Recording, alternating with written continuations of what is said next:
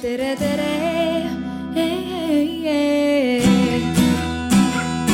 Eestimaa.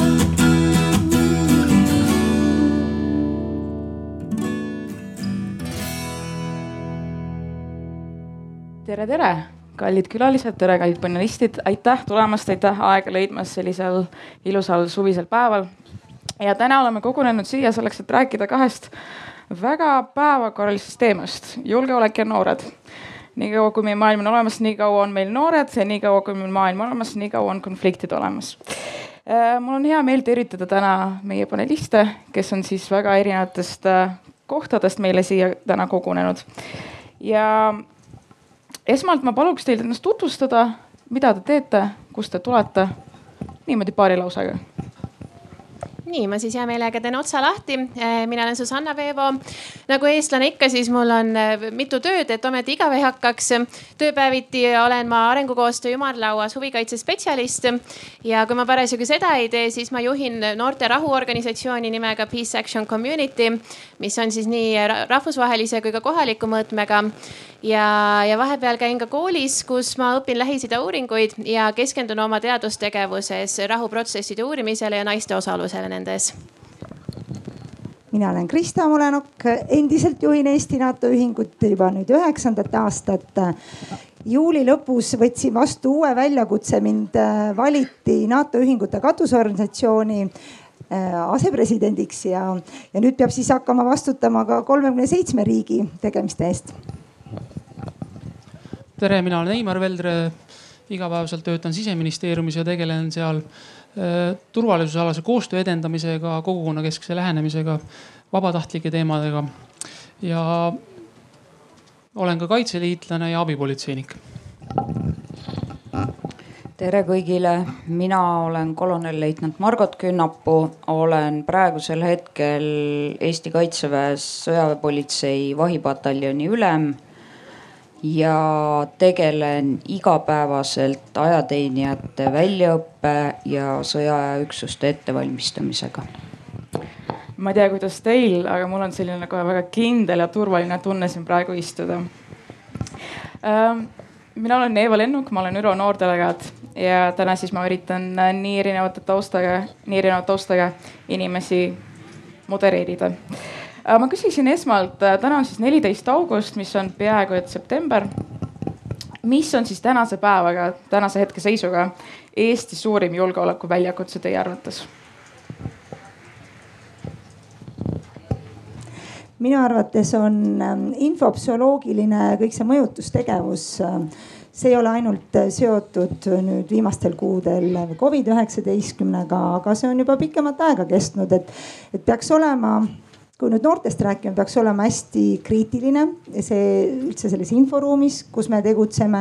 nüüd on ka eriti palju ju küberruumis tegutsemist, et ähm, erinevad ohud, me mõnikord ei teagi, et meid on rünnatud, meie andmed on üle võetud, et, äh, et tuleb, minu arvates on jah, see on üks, äh, üks suurimaid riske hetkel.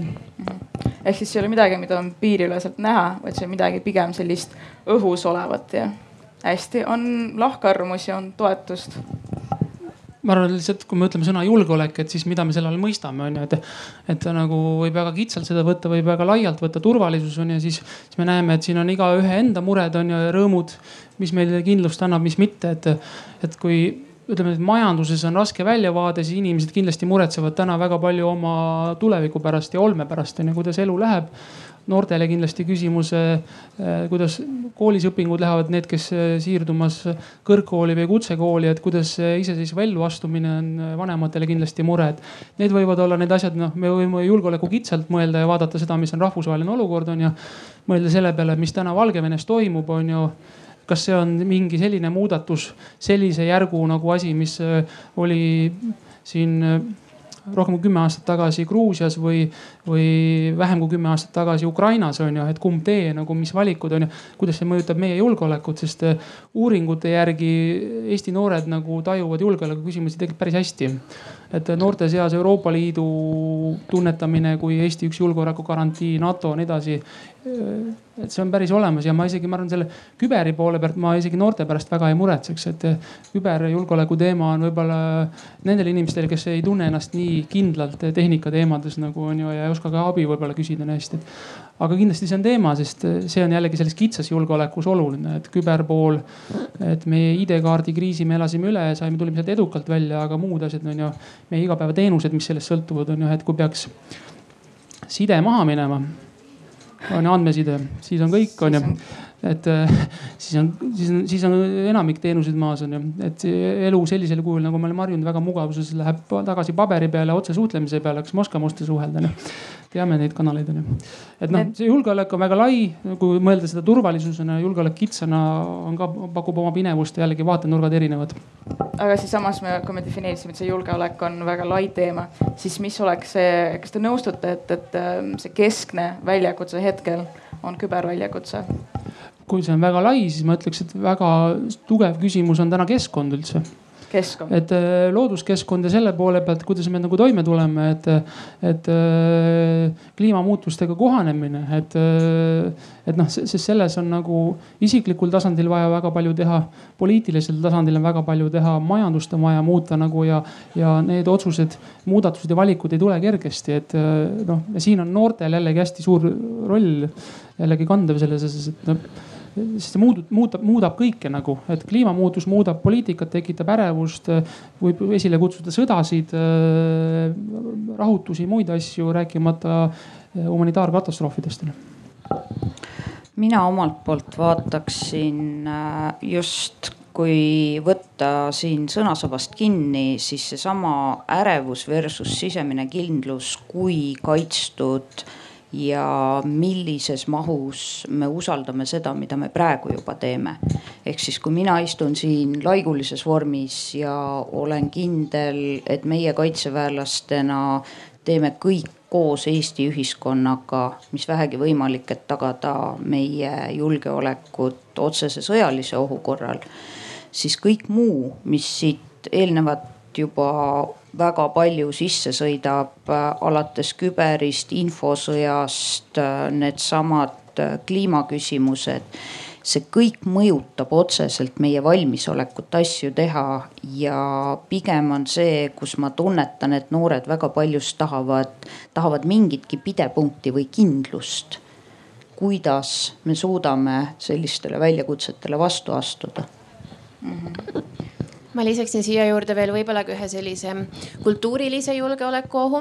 mulle tundub, et praegu nii siseriiklikult kui ka, kui ka rahvusvaheliselt on väga suureks julgeolekuohuks selline üleüldine polariseerumine ja, ja äärmustesse langemine. et kui me identifitseerimegi ennast vastavalt sellele, millele me vastandume, et me nii väga ei tea mitte seda, kes me oleme, vaid pigem kelle moodi me ei taha olla ja, ja mida me kindlasti enda puhul välistame, siis see ei loo isegi nagu pinnast dialoogiks või mingisuguseks mitmekesisuseks ühiskonnas. Ja ma arvan, et see isegi olenemata, kas me räägime keskkonnast, kas me räägime sõjaohust, kas me räägime epideemiatest, aga see üleüldine eh, nagu suutmatus tegelikult üksteist mõista, üksteist kuulata ja leida mingisugust keskteed, jõuda kompromissini. et see on juba kultuuriliselt minu meelest tänasel päeval väga suur julgeolekuoht kui ma olin siia Tallinn-Tartu maanteed mööda tulemas, ma poleks mõelnud, et neli panelisti ja igal panelistil on oma arvamus sellest, mis on Eesti suurim julgeolekuväljakutse. vaadates uudistest mõnikord tundub, et meil on üks väljakutse või kaks maksimum väljakutset. nii et mul on ülimalt hea meel, et nii erinevad äh, arvamused tulevad siit välja äh, mis, mis te arvate, mis neist äh, liikidest või, või mis, mis sellest, mis te olete nimetatud, seondub kõige enam noortega või mis on see liik, mil, mida võib, võivad noored kõige enam mõjutada mina võib-olla siinkohal otseselt ei, jällegi ei vastandaks noori ja ülejäänud ühiskonda, vaid ma usun, et, ähm, et noh, eriti tänases nagu ülimalt globaliseerunud maailmas, kus meid kõiki mõjutab see, mida ükskõik kes teisel pool maailma teeb. me, me tegelikult oleme ikkagi nagu selles kõik koos, aga võib-olla kui ajaplaaniliselt vaadata, siis ma usun, et, et minu generatsioon ja, ja veel ka minust järgmine generatsioon saavad oluliselt tugevamalt ja karmimalt tundma just keskkonnaalaseid julgeolekuohte ette lihtsalt sellepärast, et see aeg jõuab kätte. et kui, kui täna veel või ütleme, kui kümme-viisteist aastat tagasi veel me võisime mõelda, et äkki tuleb, äkki ei tule, siis täna me näeme, et ta on käes ja, ja et igal juhul see nagu reaalne oht läheb, muutub nagu teoreetilisest, muutub juba praktiliseks. et puhtalt nagu jah, ma arvan, sellepärast, et aastad lähevad edasi, siis see nagu saab noorte jaoks aina nagu igapäevasemaks ja, ja kuidagi tungivamaks ohuks ma lihtsalt kiiresti ütlen vahele, et miks see küsimus sellisena välja tuli. et, et kui te ütlete, et ei vastandaks noori ja täiskasvanuid või, siis äh, näiteks otsustusprotsesside tasemel kahjuks vastandatakse, et ei kaasata noori just sellepärast, et äh, see vastandamisprotsess toimub teisel tasemel. et see tuleb, ma lihtsalt selgitan, miks see küsimus sellisena välja tuli. Krista, teil oli soov midagi öelda? Jah, äh, mina arvan, et kõik see elanikkonnakaitse valdkond ja elutähtsad teenused, et äh, suur rõõm on tõdeda, et riigikaitseõpikus on nüüd ka olemas elanikkonnakaitse peatükk. Minu arvates üldse riigikaitseõpetus on väga oluline osa keskhariduse saamisel ja ei, ei tasuks nagu vaielda, et kas see on vabatahtlik või kohustuslik, et see peaks olema nii loomulik õpp, õpiprotsessi osa et ma arvan, et noored äh, peaksid äh, jah hindama seda, mis neile kooli poolt võimaldatakse just, just selles valdkonnas. seal on ka praktilised erinevad metsas müttamised võib-olla. esimene tutvust, tutvus, tutvumine ka võib-olla mõnele metsaeluga ja, ja võib-olla panna ennast ka proovile kuidas siis metsas hakkama saada. on näiteks ühes riigikaitselaagris juhtus selline asi, et üks poiss pidi šoki saama, sest ta nägi, et vesi hakkas keema, et, et ütleme, enamus laste, noorte puhul kindlasti seda probleemi ei ole, aga on ka selliseid erilisi näiteid. võtaks sul sõnasabast kinni, et ma arvan, see noh, kaasaegsete väljakutsetega vastav haridus või sihukene üldse eluks valmis, valmis, valmis olemine on kindlasti oluline küsimus, et, et, et see ohutuse ja turvaline käitumine on ju ja ka ohu korral käitumine, et see oleks osa kooliõppest, aga teistpidi see peab olema ka midagi loomulikku kodus ja, ja, ja ka sõpradelt saadav, et, et koolist me saame väga palju asju nagu noh, mis ei jää meeldigi on ju, lähevad on ju, aga, aga elulised oskused, et noh, tegelikult see turvalisusalased erinevad oskused, vee ja tuleohutus, muud asjad on ju sihuke looduses liikumine, sihukesed skautlikud oskused, et, et need on nagu asjad, mis nagu võiks koolis olla praktilised ja mida tõenäoliselt peaks rohkem olema ja teistpidi. ma arvan, siin teisest sõnasabast kinni võttes see, see ärevus ja muu värk, siis ma pakun, mis täna nagu on üks probleem, et sihuke vägivallafoon on ühiskonnas on ju, et ta on täna sihukene sõnades on ju et äge, ägeda ütlemine, äge vastuütlemine teisele nagu äh, sõnu valimata nagu ütlemine, haiget tegemine, et. et see on nagu sihuke foon on all, et siit on kerge edasi minna nagu, et võib juhtuda ka füüsiline nagu vägivald, et. Õnneks Eestis seda nagu teed väga ei ole olnud, on nagu jätta kõrvale mõned äh, mikrofonide rebimised nagu ja, ja tagasirebimised on ju, et et, et see on kindlasti asi, millega tegeleda, sest vägivald üldiselt ühiskonnas ei ole hea asi. kui ta nagu varjatult on aktsepteeritud, on ju, me räägime koolikiusamisest, on ju, me räägime lähisuhtevägivallast, on ju. me räägime sihukest sotsiaalmeedias halvasti ütlemisest või rääkimata see, kuidas poliitikud omavahel suhtlevad, on ju. et see on nagu eeskujude küsimus väga paljuski on ju, et noh, ta ei ole väga õnneks noortele nii palju üle kandunud, aga noh, koolivägivalla asi on ikkagi olemas on ju, et, et kuidas nende, nende küsimustega taustal tegeleda, sest ma arvan, kui see ärevus kliima teemal ja sihukese riikidevahelised suhted nagu ja see sihukene riikidevaheline julgeoleku küsimused lähevad põne-, pinevaks, siis see vägivallafoon on selle all olemas on ju ja see noh see on kindlasti, ma tunnen, et see on teema, kus nagu noored saaks rohkem kaasa rääkida onju ja julgemalt, aga aga noh, siin on kindlasti kaasamõtlemist, kuidas täiskasvanud noori kaasavad või aktsepteerivad, teine asi, kuidas noored julgelt ennast kehtestavad, onju. et äh, noori pole niisama kunagi laua taha kutsutud, noori on tahetud kutsuda pärast seda, sest on nähtud, see on hädavajalik, onju. aga me jõuame veel selle juurde ma tahtsin siia veel lisada seda, et tegelikult jah, kui me vaatame tänapäeval, ütleme mina, kes ma siis olen kesk- ja sellis-, sellises kohas, kus ma tunnen, et ma võin noori inimesi vaadata ja öelda, et mul on päris mitu põlvkonda, keda ma saan omavahel võrrelda, siis äh, tänapäeva noored on hämmastavalt positiivselt vokaalsed. Ehk siis teisisõnu, kui ma vaatan ajateenijat praegu ja ma vaatan ajateenijat viisteist aastat tagasi, siis äh, vahe, ainukene vahe, mis neil on, on see, et tänapäevane noor julgeb oluliselt kõvema häälega, oluliselt selgemalt ja oluliselt mõtestatumalt öelda, mida ta tahab ja miks ta seda tahab. ehk siis äh, kogu, kogu see pikk jutt selle ümber, kas tänapäeva noored on lumehelbekesed või mitte. mina olen jõudnud sinna, et no lumehelbekesest on asi väga kaugel, et väga positiivselt vaada, vaatan mina nende ajateenijate peale, kes tulevad ja väga selgelt ütlevad, mida nad tahavad. ja reeglina on seal kaasas ka oskused ja teadmised. ehk siis noh kui ma üritan kokku võtta, siis need, see haridus, mida noored praegu saavad, need, need äh, põhipunktid, tugipunktid, mis seal tulevad, olgu see skautioskused, olgu need siis äh, oskused metsas äh, veekeemist vaadata, veekeemist esile kutsuda.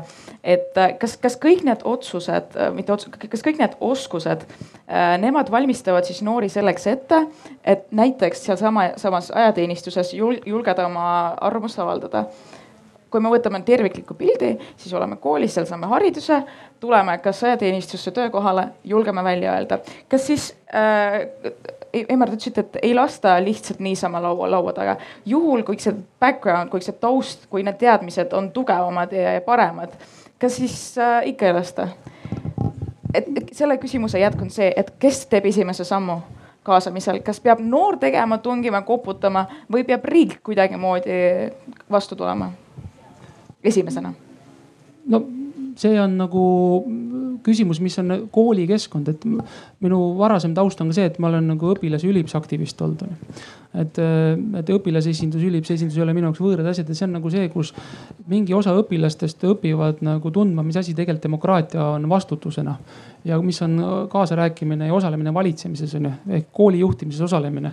ja sealt edasi võib-olla on ka nagu kokkupuuted valla või linnavalitsuse või vabariigi valitsusega ja nii edasi on ju, riigikoguga.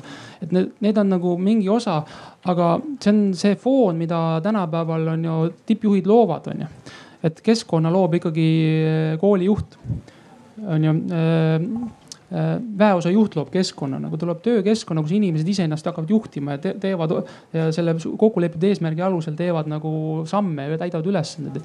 et noh ma ütleks, et siin on nagu mõlemad pooled peavad sammu tegema, et kui noored tunnevad, et neid ei kuulda, ei ole, neid ei ole kuulda ja neid ei kuulata, siis nad peaksid tegema häält et äh, niisama nagu see ei tule, on ju, kui, kui on selline olukord ja teistpidi hea juht, kes vastutab selle organisatsiooni eest, kus need noored on või kes peaks noori kaasama, peab ise ka selle sammu astuma, et noored teeksid häält, miks ei tee noored, et miks ei ole noored kuulda, miks neid ei, ei paista silma, miks nad on mujal. sest keegi ei ole nagu väga vähesed inimesed on lihtsalt passiivsed, on ju, kõik tegelevad millegagi et lihtsalt küsimus ongi see, et kus nad tegutsevad, on ju, et, et ja see peaks olema ühe organisatsiooni auasi, et kui selle organisatsiooni liikmeteks on ka noored, on ju.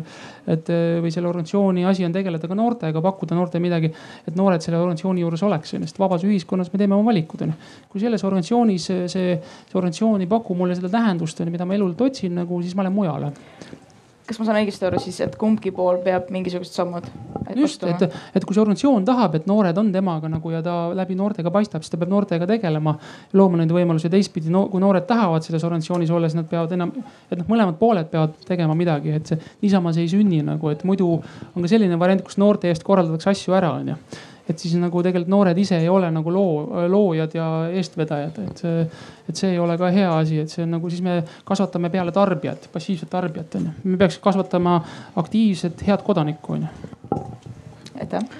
mina lisaksin siia juurde, et äh, jaa, absoluutselt kõik peab ju saama mingil hetkel keskpõrandal kokku ja ilmtingimata ei ole oluline see, kes selle esimese sammu teeb. küll aga ja see tuleb nüüd ringiga tagasi selle juurde, mis ma ütlesin, milline on tänapäeva noor võrreldes noorega viisteist aastat tagasi. on see, et äh, vajadus on see, mis tingib selle, et inimene võtab sõna. ja sealt edasi läheb see samm, et kas teda kuulatakse või mitte. ja hea tänapäeva noorte juures on just see, et nad tunnetavad ise selle vajaduse ära ja teevad õigel ajal õiges kohas suu lahti ehk siis äh, nad ei marineeri oma mõtteid selle kohta, mis valesti on kuskil seal, kus neid ei kuulda, vaid vastupidi, nad ütlevad seda sellises kohas, kus neid võetakse kuulda ja kus nad saavad selle vastu või selle poolt ka midagi teha. absoluutselt nõus. ma teeks teeme aplausiga, ma ei tea, kuidas selle ülekandele mõjutab, aga aitäh Eesti NATO ühing on tegelikult lüli eh, riigi ja siis kodanike vahel. Ja mul on õnnestunud eh, pea siis üheksa aasta jooksul juhendada circa sada noort inimest, et võttes enamus, kes on tahtnud tulla praktikale, ma olen võtnud.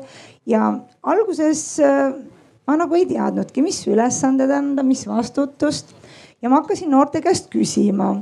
Ja ja ma arenesin ise ka selle, selle kõige käigus ja nüüd äh, on hea meel tõdeda, et, et ma küsingi noorelt, et mida sa tahad teha, mis sul kõige rohkem silmad paneb särama. Ja vaat, kui me leiame selle ühisosa, siis see on tõesti fantastiline ja, ja ma ei kurda absoluutselt äh, nende noorte inimeste üle, kes on meie ühingus käinud, mis on õpetanud mind, meie ühingut, paljudest nendest on saanud hiljem ka ühingu liikmed, nii et äh, olge julged, tulge praktikale Eesti NATO ühingusse. panen kirja mul on hästi hea meel kuulda seda, mis Krista ütles ja ma arvan, et see on üks hea näide eh, institutsiooni või organisatsiooni poolsest kaasamisest, et kuidas need noored siis omadega pardale saada aga vaielge mulle vastu, kuid mina arvan siiski, et väga valdavas enamuses on noored need, kes teevad esimese, teise, isegi kolmanda sammu oma kaasamisprotsessis. ja isegi kui need ei ole konkreetselt need isiklikud noored, kes lõpuks siis mingisuguse institutsiooni juurde kaasatud saavad, siis on need organisatsioonid ja katuseorganisatsioonid, kes tegelikult ise on noored. Need organisatsioonid on noorte poolt juhitud, nemad on teinud aastatepikkust huvikaitset selleks, et lõpuks saaks mingisugune, kas nõukogu, mingisugune grupp, mingisugune vabatahtlike rühmitus organisatsiooni juurde loodud ja, ja ma arvan, et ikkagi mingisuguseid protsente ei pane, ei hakka panema, need kõik tuleksid peast niikuinii. aga et ikkagi väga suures enamuses on see noortetöö, et noored on kaasatud ja pigem on, on tekkinud vaikselt selline nagu avanemine institutsioonide poolt, et, et täna nad tulevad ikkagi nii palju vastu, et nad näevad ka seda kohta, kuhu noori, kus noori saab rakendada ja missugune see noorte panus saab nende töö juures olla ma tahaks siia nagu lisada, et, et siin on nagu kahtepidi asja, et üks on sihukene Äh, organiseerida, teha mingit klubilist tööd või mingit sihukest mm, hea korda või luua keskkonda on ju. Äh, mingi piiratud kohas on ju, oma kodukohas, oma, ma ei tea, koduhoovis on ju või no kortermaja hoovis teha mingi üritust korraldada on ju. aga teine kiht, ma arvan, kus nagu noh, noorte kaasarääkimine alati läheb natuke pinevaks on ju. oma kogemus räägib ka sellest, et on niisugune poliitika et kui me läheme su nagu suuremaid asju muutma, mis on mingi süsteemi muutma, et seal nagu noh on alati noortel see raskus nagu, et kuidas järjepidevust tagada, et, et noorteorganisatsioonid on Eesti nagu, et paremad nagu talendivabrikud on ju vops sisse, vops välja on ju, et tulevad uued tegijad, liiguvad äh, poliitikasse, avalikku haldusesse, ärisse, muudesse kolmanda sektori organisatsioonidesse nagu. et nagu, et see noorteorganisatsioonid on hästi oluline roll ühiskonnas on äh, taastoota juhte, liidreid. Aga see järjepidevus on seal kindlasti ja esinduslikkus on ju. ma arvan, mis iseloomu, mis on nagu mureküsimus võib-olla kogu Eesti kodanikuühiskonnale, kuidas esinduslik olla, et kui räägid kellegi nimel, siis kuidas need sinu taga on siis on ju. mina, ma olin Üliõpilaskonna Liidu esimees, kuidas olid siis minu taga kuuskümmend neli tuhat üliõpilast sel hetkel on ju. et riigikogus küsiti, et noh kuule, sul näed, üks üliõpilase esindus arvas teistmoodi on ju. on siis ühtne hääl või? No siis me ütleme, et meil on demokraatia, meie sees ongi erinevad arvamused, me oleme mingis osas kokku leppinud, aga me aktsepteerime ka vähemuse arvamust, aga me tuleme selle põhiarvamusega siia parlamendi juurde ja soovime sellist seadusemuudatust ja soovime riigieelarves sellist, sellist ressurssi onju. Aga selleks peab sul taust olema, sest et kui sul ei ole seda, siis seal poliitika areenil nagu, et sulle võid lastakse seda mänguväljakut, jõu, jõu, jõuväljakut või muud asja lastakse sulle ehitada või seda kasutada onju, aga kui sa tahad minna maailma muutma või et noh, tahad kliimamuutuste osas nagu riigi poliitikasse nagu tuua või kogu ma, ma, riikide poliitikasse muudatusi tuua või, või mingis muus poliitika teemas, siis on juba see noh siis sa astud justkui nagu täiskasvanute väljale on ju, et aga noh, see on nagu kindlasti suur väljakutse noortele organiseerumise mõttes, sest, sest ka täiskasvanute organisatsioonid ei ole sellised jätkusuutlikud, on ju, et see on sihuke, inimesed me nagu valime väga kiiresti nagu neid ja läheme ära nagu. aga see, see koos on ju, see, see eesmärk peab saama edasi kesta, on ju, kui inimesed ka vahetuvad, on ju. no minu teada on küll need inimesed, kes on soovinud kaasa rääkida, kes on saanud kaasatud, kes on soovitud kaasatud olla, nemad said olla kaasatud, nemad said sõna, nemad sai kohta, kus oma arvamust avaldada. kõikides eh, koolides Eestis ei ole õpilasesindust ja toimivat üliõpilasesindust, mis on juba defitsiit. see on demokraatia defitsiit tegelikult on ju, mitte kõikjal ei ole tegelikult seda asja nagu ja me tegelikult ei mõõda kooli edu täna kahjuks selle järgi, nagu me ei mõõda täna kooli direktori eh, nagu lepingut selle järgi, et see asi oleks seal olemas. et noh, see on tegelikult oluline asi. me õpime vastutama seal on ju, mingi osa õpilasi õpib vastutama ja ka teistele meile rääkima ja pingutama selle, selle eest, et ka teised tema taga on, kui ta läheb direktorile ütlema, et meil on vaja seda muudatust koolis, et see on hästi oluline. Krista, mul on teile küsimus ähm, kuna Eesti NATO ühinemine on olnud sild äh, Eesti riigi ja Eesti ühiskonna vahel just julgeoleku küsimustes, kas on olnud muresid või väljakutseid selles, kuidas mitte noori, vaid lihtsalt Eesti inimesi kaasata või iga arutelu, iga üritus, saal on täis, ei ole istekohti? Kas on olnud selliseid probleeme või pigem pooltühi on küll olnud väga põhimõttelisi äh, jah asju, et äh, ma tooksin siinkohal võib-olla esile, kui, kui ma alustasin, see oli aasta kaks tuhat kaksteist tuli siis noortele, noh ühingus oli eesmärk noortele tutvustada riigikaitseõpetust ja just vene noortele. et, äh, et aru saada üleüldse, kus kus need noored üldse oma vaba aega veedavad, mis on see meediaruum, eh, mis infoväljas nad on eh, kui palju kodu mõjutab, kui palju mõjutavad õpetajad, et me korraldame ka ajaloo ja ühiskonnaõpetuse õpetajatel. just eh, sellel nädalal oli juba kolmeteistkümnes suvekool, kus on nii vene kui eesti õppekeelega koolide õpetajad olemas. et, et jah, et saada aru nendest noortest mis meil, mis neid nagu käima üldse lükkab või, või mis on need põhiprobleemid, aga, aga me õnnestusime, ma arvan, Ida-Virus me eh, käisime siis saja vene noorega eh, ja olime kolm päeva siis eh, Ida-Viru jalaväepataljonis ja, ja ma arvan, et meil läks hästi, kuigi vahepeal noortel olid eriarvamused. Nad mõistsid nagu teistmoodi seda jah, Eesti-Vene kõike seda ka inforuumi. Siis meil oli võimalus vähemalt neile selgitada ja samas oli äh, võimalus ka aru saada, mida ootab ees siis väe, väeosa paari aasta pärast, kui need noored äh, astuvad siis ajateenistusse, et et kuidas siis jah, see töö võiks nagu jätkuda, et, et see oli nagu väljakutse. ja, ja, ja nüüd on kindlasti rohkem, noh, see, see ei ole nii suureks probleemiks, et paljudes vene õppekeelega on juba riigikaitseõpetus täiesti normaalne õppe osa. aitäh aga ses mõttes, et ma, ma lugesin Eesti NATO Ühingu veebilehelt, et korraldatakse arutelusid, julgeolekuteemalisi arutelusid. kas, kas need arutelud, mis korraldatakse, kas need on populaarsed noorte seas või üldse Eesti kodanike seas? Mitte Eesti kodanike seas? ütleme, meie enamus üritused on välja müüdud ja nad on pigem kandideerimisega. et kui me räägime nüüd kahest suurest noortekonverentsist, mis on põhimõtteliselt juba maailmakuulsad, üks on siis NATO Euroopa Liidu ümarlaud ja teine on Balti-Vene noortefoorum, siis tuleb pool aastat ette juba kandideerida, et, et saaks üldse oma sõna sekka öelda, nii et ma arvan, noored tahavad olla kaasatud ja me oleme võimaldanud neile sellist kaasarääkimist mitte nüüd ainult Eesti mastaabis, vaid ülemaailmselt ka Eesti noortele.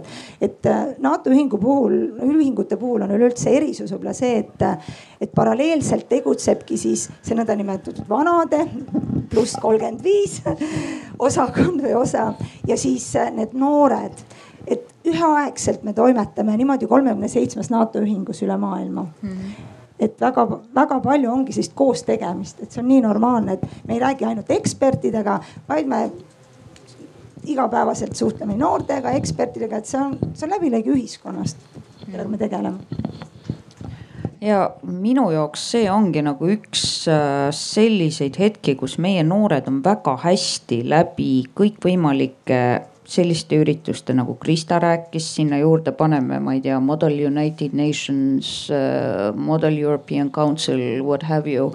paneme need kõik juurde ja noored tegelikult saavad väga hästi aru, et kuidas äh, seesama lobistamine, see, kuidas ma saan teised endaga ühele nõule, kuidas ma esitan oma argumente. see tegelikult tänapäeva noorte juures toimub hämmastavalt hästi.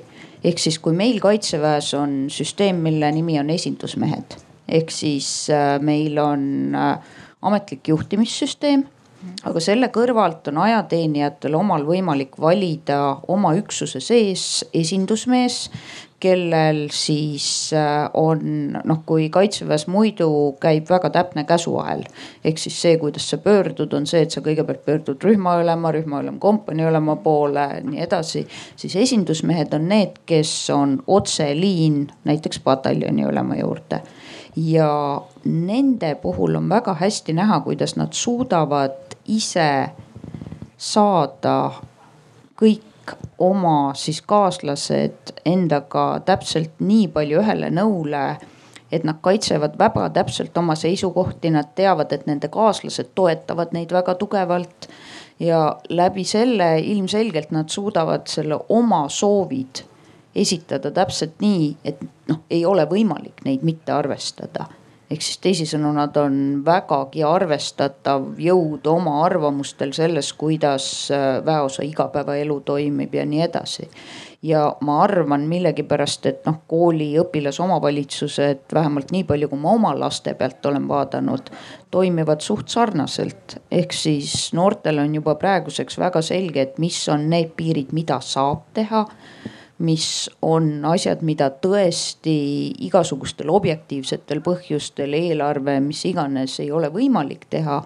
aga samas äh, need asjad, mida saab teha, nad suudavad väga hästi läbi suruda, et nad hakkaksid normaalselt toimima siin äh, jälle traditsiooniliselt haaran sabast kinni ah,. Susanna, palun, ma siis haaran hiljem. ja ma hea meelega tegelikult peegeldaksin natukene veel seda noorte kaasamise efektiivsust ja, ja nagu siin ka enne kõlas, et, et meie tänased noorteorganisatsioonid on suuresti nagu talendivabrikud, ma olen sellega hästi nõus, tõepoolest on.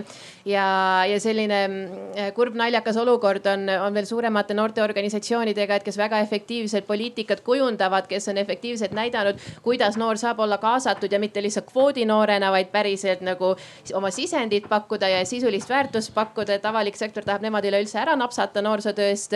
nii et, et see on minu meelest selline üleüldine küsimus, et kuidas kuidas hoida sellist nagu ka sisulist kvaliteeti noorte kaasamisel, et ma, ma ise olen alati kurb, kui ma näen, et see noorte kaasamine on pigem nagu vormiline. et me saame oma linnukese kirja, me paneme selle üks-kaks noort nägu sinna ja, ja sellega oleme sisuliselt oma töö ära teinud aga, aga jah, kuidas kaasata seda sisendit, teades, et noored tihti ei ole eksperdid mingisugusel konkreetsel alal, aga selle eest neil on hoopis teistsugune vaatenurk, neil on teised teadmised, mida saab kaasata ühel või teisel moel.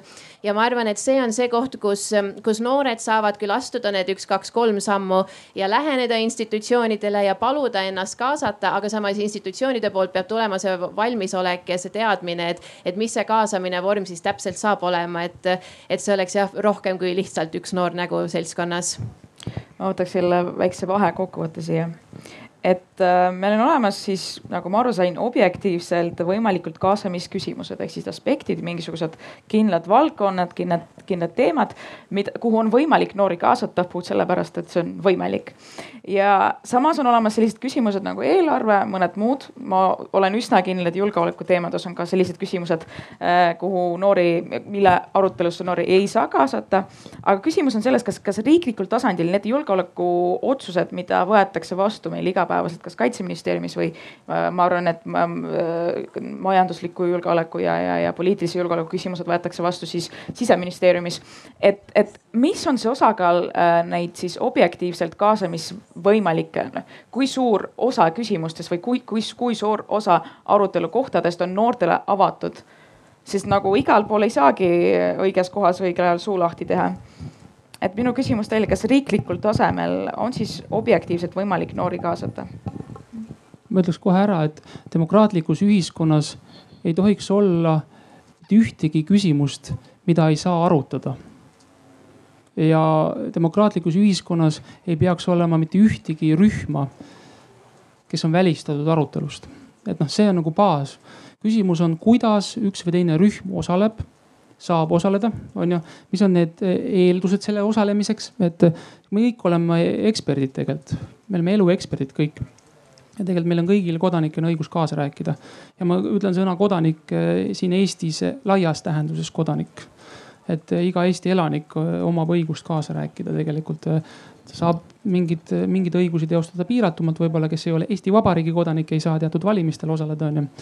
aga, aga printsiibis kaasa rääkida ja noh, ka eelarve, eelarve on väga detailne asi, seda on hea öelda, et see on struktuur, see on paigas on ju, ja tegelikult ka eelarve struktuuri muudetakse on ju. kui ühiskonnas on teatud muudatused vaja esile kutsuda, kui ühes asutuses on vaja teha nagu mingeid muudatusi, kui see õpilaselamu või üliõpilaselamu vaja korda teha, siis on aastad korras ära siis ja öeldakse, et raha ei ole siis jah, võib-olla kooli eelarves ei ole raha.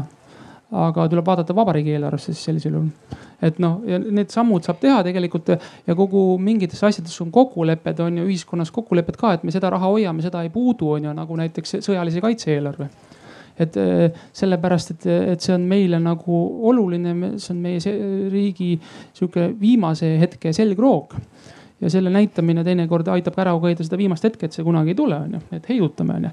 et me oleme nagu alistamatu rahvas onju, et siis need valikud on olemas. aga kõik asjad on arutelu all, ka see, et äh, on tegelikult normaalne debatt, kui keegi ütleb, et, et äh, et äh, need mõõgad tuleb vasarateks taguda või vatradeks on ju, et võib, et, et me ei peaks nii palju sõjalise kaitse peale panema, see on okei okay, debatt ühiskonnas. aga, aga see ei tohi olla keelatud, aga, aga see ei saa olla ka nagu populistlik nagu, et noh, sõjavägi on olemuselt halb, on ju, et see ei ole nagu see koht on ju, küsimus, mis tooniga me debateerime, on ju.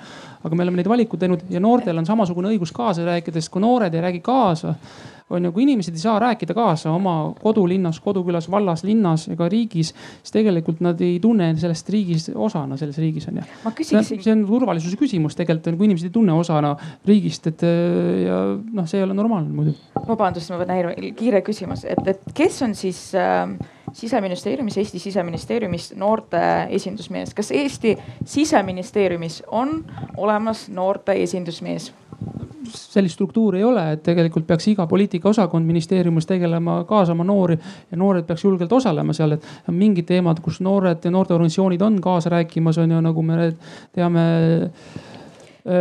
noh, kus näiteks üliõpilasorganisatsioonid esindavad täna ka välisüliõpilasi, noh kõik, kes on immatrikuleeritud Eesti äh, ülikoolidesse, kõrgkoolidesse, siis äh, üliõpilase esindused ja nende katusorganisatsioon Eesti Üliõpilaste Liit esindab neid on ju. ja sellel teemal on ka nagu on ju kaasa räägitud, on ju nii tänased, eilsed kui tulevased üliõpilased on see, mille nimel üks organisatsioon tegutseb, on ju.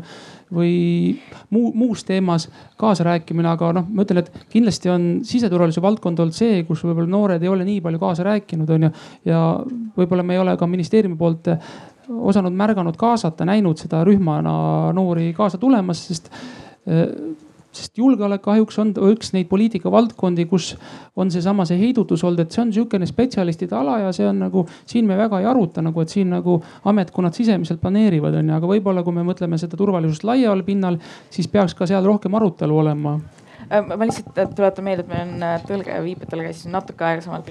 kas ma küsin, see on küsimus kõigile, kas te arvate, et Eesti siseministeeriumi juurde oleks vaja luua selline struktuuriüksus nagu noorte esindusmees? ja Eesti siseministeerium, noorte esindusmees, jah, ei, põhjendust ei ole vaja või võite öelda, aga ei ole vaja, kui ei soovi ma teeksin otsa lahti, ütleksin jah, aga ainult efektiivselt.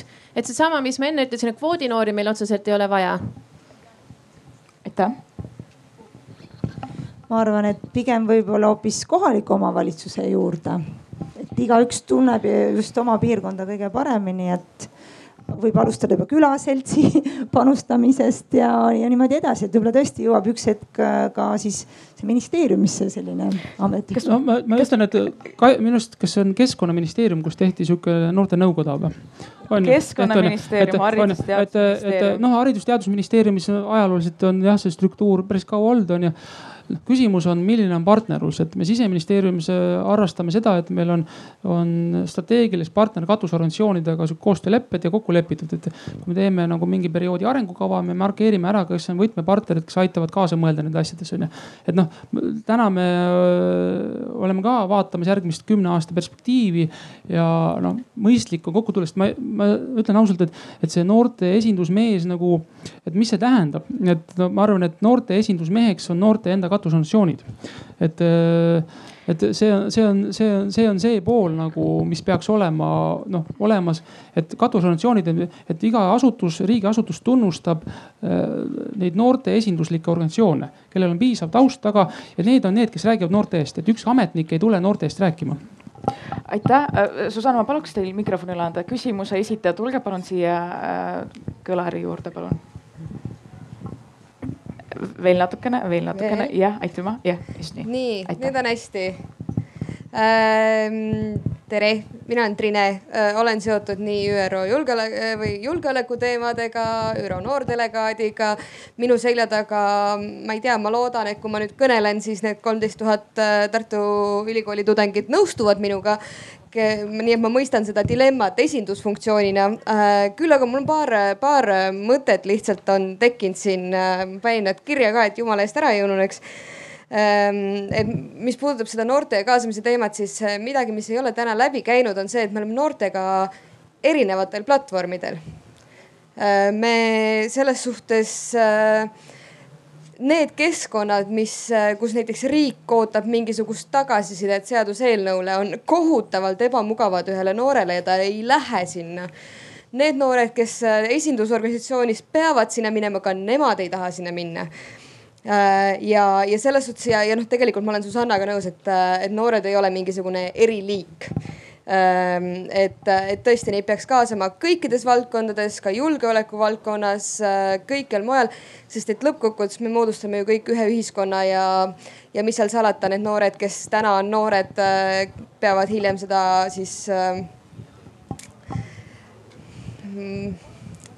suppi lörpima äh,. niimoodi julmalt öeldes ma otsisin vähe viisakamat väljendust tegelikult, aga, aga kui me räägime just sellest kaitseteemast, siis äh, ma olen äh, olnud Euroopa konsultatsioonis, kus äh, kaks, kaks, viis, null resolutsioonil Noored, rahu, julgeolek küsiti Euroopa konsultatsioonis tagasisidet ja kuidas me seda rakendame ja ma pean tunnistama, et seisin nii mina seal kui ka kõik ülejäänud kakskümmend kaheksa noort.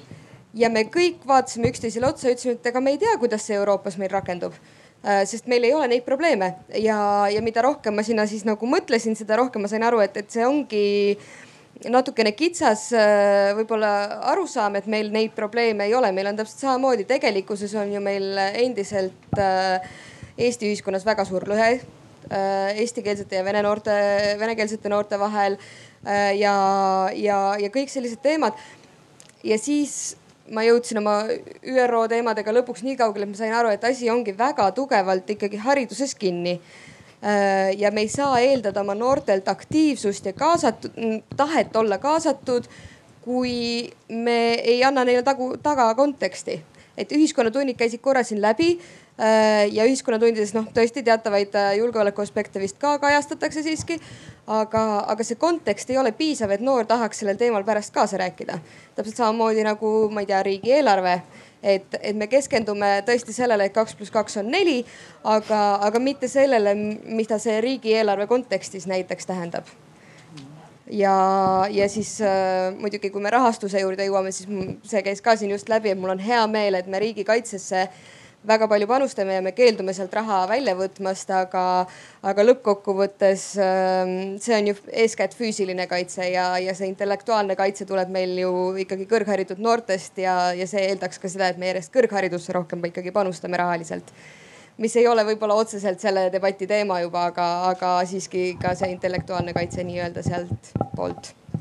aitäh. suur aitäh kui tohib, ma tegelikult peegeldaksin kohe sellesama mikrofoniga Triine sõnadele. Ehm, kui me rääkisime siin ka enne natukene haridusest ja, ja ütleme erinevatest funktsioonidest haridussüsteemi juures, et see ei ole tõesti ainult õpetada meile, et kaks pluss kaks on neli, vaid et ka üleüldse, kuidas ellu jääda, kuidas, kuidas nagu maailmas hakkama saada, siis mina astuksin siinkohal oma arengukoostöö jala peale ja tooksin eelkõige välja maailmahariduse tähtsuse ja, ja mitte siis ainult see, kuidas metsas ellu jääda, mis absoluutselt on oluline, et üleüldse tõepoolest nagu päriseluga hakkama saada. aga teisest küljest ka see, ütleme kodanikuharidus, et mida see üleüldse tähendab, et ma elan ühiskonnas, mis on minu vastutus, mis on minu teatud mõttes moraalne kohustus siinjuures ja mis on minu võimalus erinevatel eluetappidel, et kuidas kaasa lüüa. ja ma arvan, et maailmaharidus on suuresti üks esimesi vastuseid üldse meie küsimustele, et kui me panustame piisavalt maailmaharidusse ühest küljest rahaliselt, teisest küljest oleme ka kindlad, et meie pedagoogid on pädevad päriselt neid teemasid edasi andma, sest maailmaharidus ei ole üks eraldi õppeaine, vaid see on integreeritud sisuliselt kogu haridussüsteemi, seda peab õpetama nii bioloogia kui geograafia kui ühiskonnaõpetus. ja kui me oleme kindlad, et meie õpetajad on piisavalt pädevad ka neid, neid teadmisi ja neid oskusi edasi andma, siis ma usun, et see kaasamise protsess muutub ka oluliselt loomulikumaks. et siis noored tõesti ei tahagi mitte lihtsalt oma liivakastis mängida, mida noh, tegelikult nad tänaseni ei taha või tänagi ei taha, aga võib-olla ei ole neid teadmisi ja oskusi, et päriselt ühiskonnaelus kaasa rääkida. vaid see on siis see koht, kus vähemalt ideaalis need teadmised on juba olemas tänu, tänu maailma haridusele ja tänu meie haridussüsteemile ma arvan, et siin lihtsalt ongi see, et kui me räägime julgeolekust ja turvalisusest ja taustal olevatest oskustest, et me tahame, et meie ühiskond oleks turvaline, et vaba ja demokraatlik ühiskond ja turvaline, siis, siis siuksed kodanikuoskused ongi hästi olulised. Need ühelt poolt on sihuke väga filosoofiline valik, et kas ma olen tarbija või kodanik on ju, aktiivne kodanik on ju elukeskkonna kujundaja. aga tegelikult need oma osu-, need oskused on hästi praktilised ja noh üks päev vaatasin raamatupoes riiulist, et mis see tänane see ühiskonnaõpetuse õpik on. see on siis kolm korda või neli korda paksem, kui see minu ajal oli. Ja mina lõpetasin kakskümmend aastat tagasi keska onju. et ja see teemad on päris ägedad selles mõttes, et noh, ma õppisin ülikoolis riigiteadusi ka onju, siis vaatasin täitsa nagu sihukene õpik, mis oleks aidanud mind omal ajal bakas onju. aga täna on juba see gümnaasiumisse lükatud. mõtlesin, et no kuidas õpetajad selle ära kannavad onju ja kuidas nad praktiliselt seda teevad. siis see peaks olema praktiline läbimängimine, et, et noh matemaatikatunnis võiks ju analüüsida äh, kooli eelarvet, on ju et äh, kirjanduse tunnis võiks kirjutada nagu selle kohta, kuidas koolielu on, on ju. Äh, ühiskonnaõpetuse tunnis äh, analüüsida kooli demokraatiat ja autokraatiat, mis see vahekord on. et direktor otsustab päris palju asju, aga kus on siin ruum nagu selleks demokraatiaks ja kus see tasakaal seal on, on ju, et, et on ainujuhtimise printsiibil üles ehitatud asutus on ju, et ei ole liikmetel ja sisedemokraatidel põhinev organisatsioon, kus see tasakaal on. aga peaks kasvatama demokraatlikke kodanikke on ju. et see keskkond, mis meie esimene organisatsioon, millega me kokku puutume inimestena ei ole äh, nagu äh, demokraatlik valimiste tähenduses, me ei saa seal väga midagi valida oma õpilasesindusse. võib-olla see ongi see, millele peaks nagu siis koolidirektor rõhku panema, et see õpilasesindus ja see koht, millest saaks võimalikult paljud osa. et äh, me räägime noorte osalusest, me räägime edukatest konverentsidest, seminaridest, aga meil on Eestis palju noori on ju, kui me mõtleme alaealise nagu noh, sada viiskümmend tuhat või suurusjärk on ju, on ju, et äh, paljud neist siis jõuavad õpilasesindusse, üliõpilasesindusse või mõnda sihukesesse äh, aktiivsel osalusel demokraatiale põhinevasse õpilas- või noorteorganisatsiooni on ju. et äh, kaduvik on ju, et see on nagu noh, tegelikult laiale pinnale minna, kui me tahame, et me oleme sihukene vaba, turvaline ühiskond, siis me peame vaatama, et igaüks on, saaks kaasa lüüa nagu oskaks kaasa lüüa, nagu tunnetaks, et ta ei heituks sellest, et ma ei tea, kuidas neid asju teha nagu on ju, et see, see, selle keskkonna kujundamine, aga noh, ma ütlen kindlasti see on nagu mingid sellised asjad, mida ei saa ka rõhku kooli peale panna. et sõpruskond, üheskoos õppimine nagu öö, on ka see pool, et, et me sageli paneme hästi palju rõhku kooli peale, et kool peab neid oskusi andma ta-ta-ta, aga noh mõnede asjade jaoks ei pea olema aktiivset pedagoogikat seal, vaid tuleb noortele see ruum anda, kus nad toimetavad ja loovad selle ise nagu see on. osa demokraatiat on meil geenides natukene on ju, see tuleb loomulikult äh, selles osas mina vaataksin seda asja natukene oma mätta otsast, ehk siis äh, mina, kes ma istun praegu ametikohal, kus ma juhin kolmesadat noort, kes kõik ei ole aktiivsed.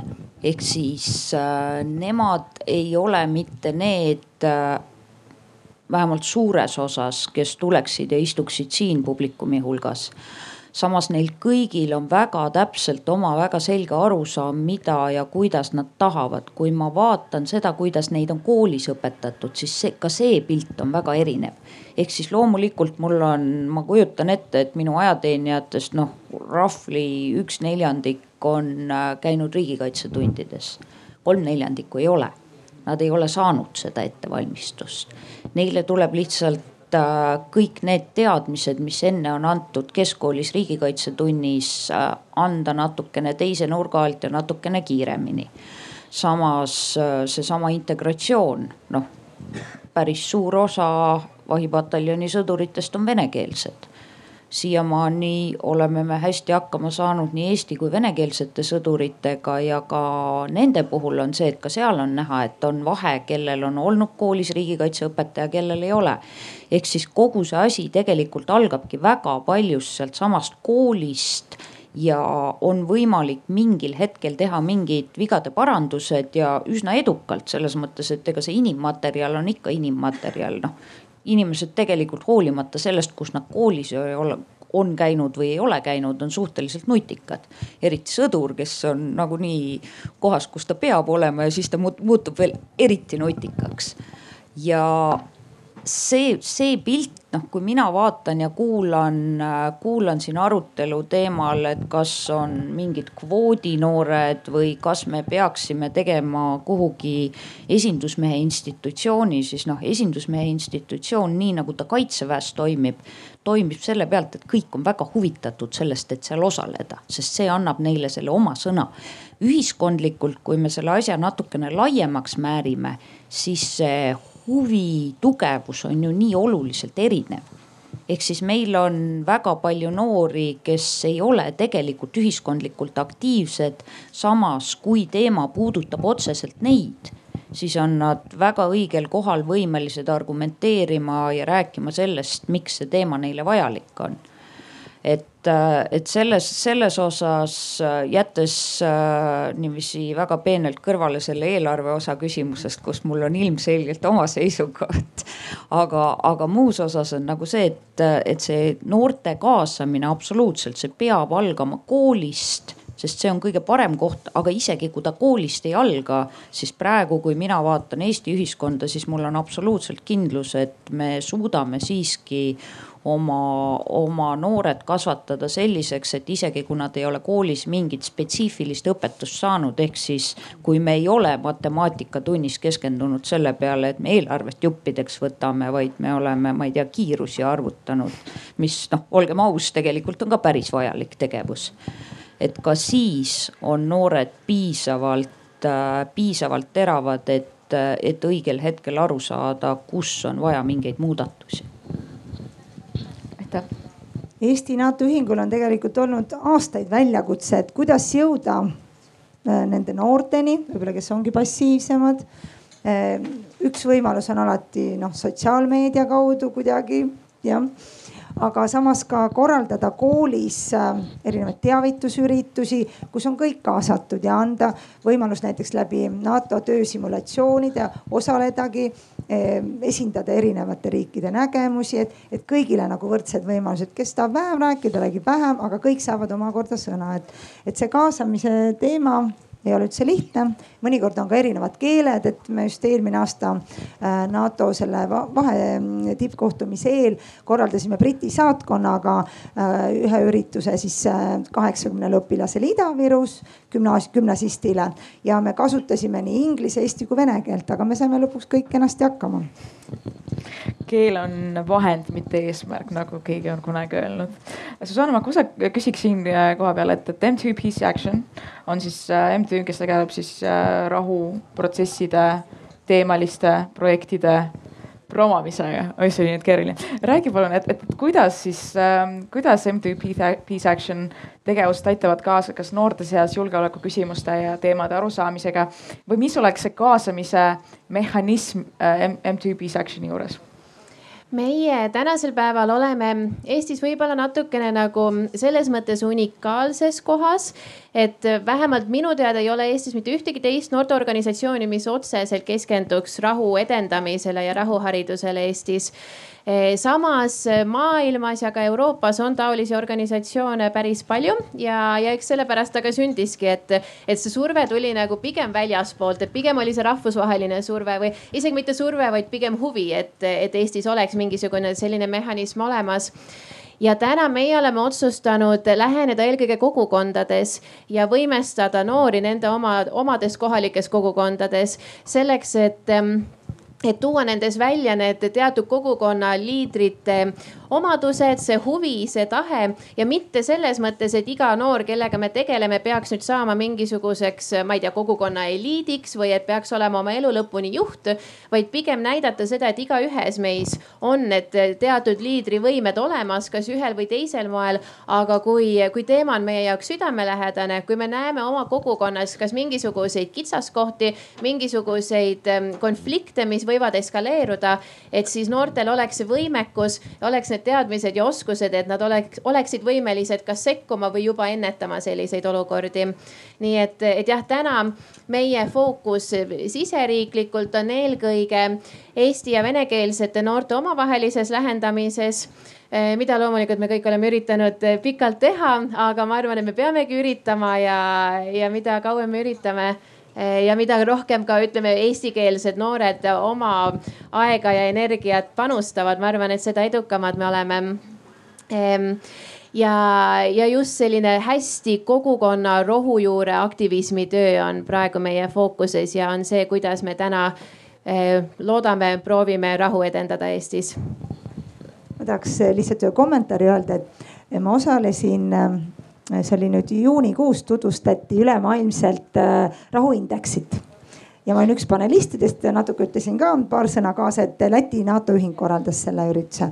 ja tuligi välja, et äh, siinkohal Eestil jälle juhuu, meie tulemused on paremad kui Läti ja Leedu tulemused, aga ülemaailmselt tegelikult on pigem läheb kogu aeg pessimistlikumaks.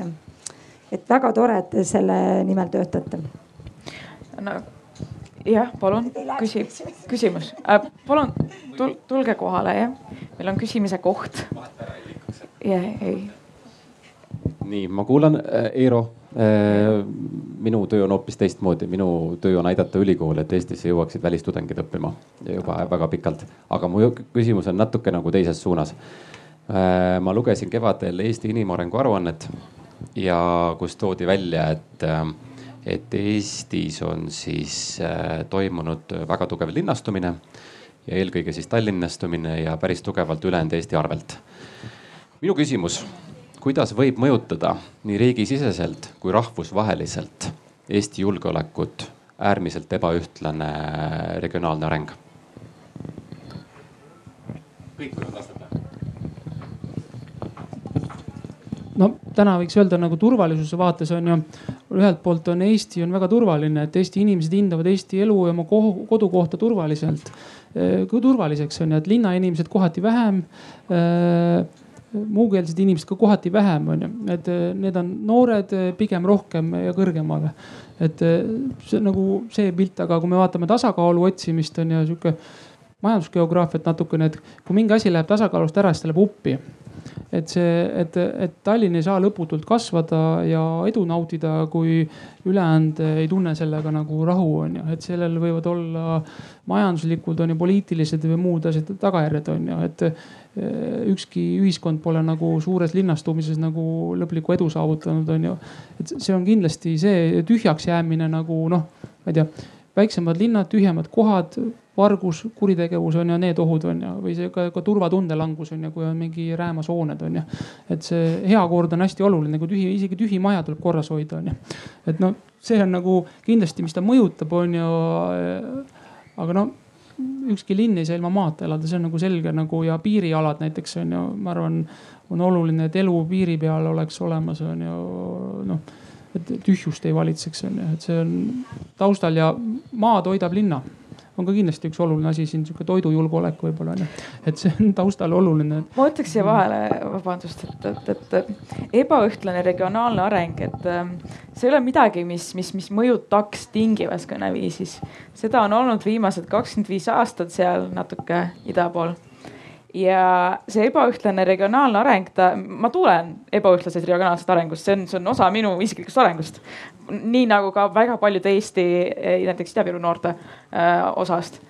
ja see ongi, noh, selles mõttes julgeoleku, kultuuriline julgeolek on olnud juttu sellest, on olnud sellest, mis lõhe Eesti ühiskonnas on ja kõik see on järeldus sellele, mida teeb üks ebaühtlane regionaalne areng ühiskonnaga. siis minu poolt vastus mina ta, tahtsin lihtsalt ühe kommentaari öelda, et ma arvan, iga halb asi on millekski hea, et see, mis nüüd meiega on juhtunud tänu äh, viirusele, see Covid üheksateist on võib-olla teatud perekonnad suunanud maakohtadesse ja võib-olla mõeldaksegi tulevikus, et ei ole just kõige olulisem elada.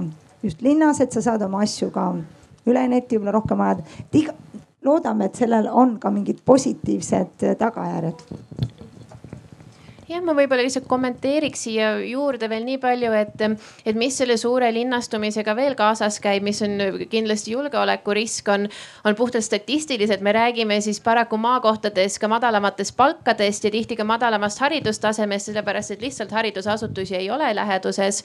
ja see omakorda jällegi lihtsalt suurendab neid ühiskondlikke lõhesid, et kui kogu raha ja kogu innovatsioon on Tallinnas ja kogu ülejäänud Eesti on pettunud või kibestunud, tunneb puudust, et siis eh, tegelikult on meil ikkagi väga suur kriis sisuliselt ukse ees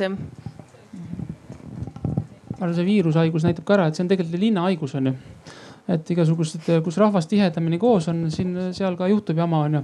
et noh, võib minna kaugetesse sajandite tagustesse aegadesse Rooma impeeriumi või ka Ladina-Ameerikas nende riikide langusteni, siis on kõik toimunud sellega, kus linn on arenenud äh, äh, maa arvelt on ju, et see tasakaalu otsimine nagu ja ühe keskuse, üks keskus neelab teist on ju, et teisi alla ümbert, et see tasakaalu otsimine hästi oluline ja see on nagu noh noh, ma ütlen, et kui selle öelda, et selle lõplik tagajärg on see, et Eesti turvalisus ja julgeolek on nagu halvem, siis nagu võib-olla paneb mõtlema, on ju, et teistpidi see on inimeste elu küsimus, kui inimestel ei ole kuskil elada ja see elu, elatustase on niivõrd erinev, siis, siis ka tekib küsimus, et kas need inimesed on valmis kaitsma oma riiki, on ju.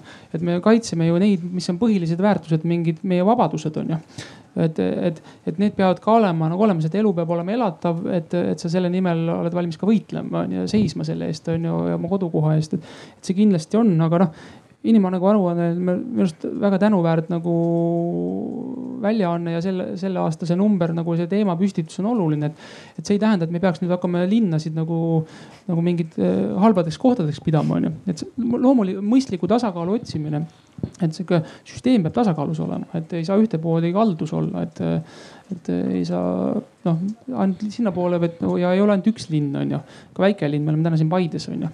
Et, et ka siin ümber on külasid, mis on tühjaks jäänud ja mille arvelt võib-olla Paide kunagi kasvas, aga enam ei kasva, on ju. siis siit on edasi mindud Tallinnasse, on ju. et noh. üks selline väike pisike faktor, mis mainimata jäi, kuigi noh, mina elupõlise tallinlasena täitsa tõsiselt tundsin ennast mingi hetk puudutatuna, et kas, kas ma olen siis kuidagi halvem või. aga on seesama noh, meie kaitse on tegelikult väga füüsiline asi, ehk siis äh, Eesti Vabariigi kaitse, vähemalt kaitseväelises mõttes on needsamad neiud ja noormehed kes moodustavad needsamad reservüksused, kes tulevad ajateenistusse, omandavad oma oskused. Ja ka siin puhul tegelikult linnastumisel on oma aspekt, ehk siis kui me vaatame, kui me vaatame sõdureid, kes tulevad puhtalt linnakeskkonnast versus sõdurid, kes siis äh, tulevad äh, maapiirkondadest, siis seal on väike oskuste teadmiste erinevus, ehk siis see, kuidas sa oled oma eelmised kaheksateist aastat elanud. et kas sa oled õppinud lugema väga täpselt äh, bussipeatuste ja trammipeatuste silte või sa vaatad seda, kuidas sa orienteerud looduses näiteks.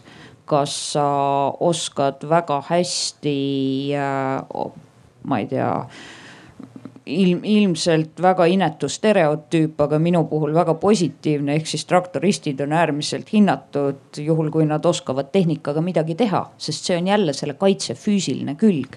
ehk siis me ei suuda tagada sõjalist kaitset ilma nende tehniliste oskusteta, mis on ka need masinad, millega liigu-, millega me liigume, see loodus, millega me liigume.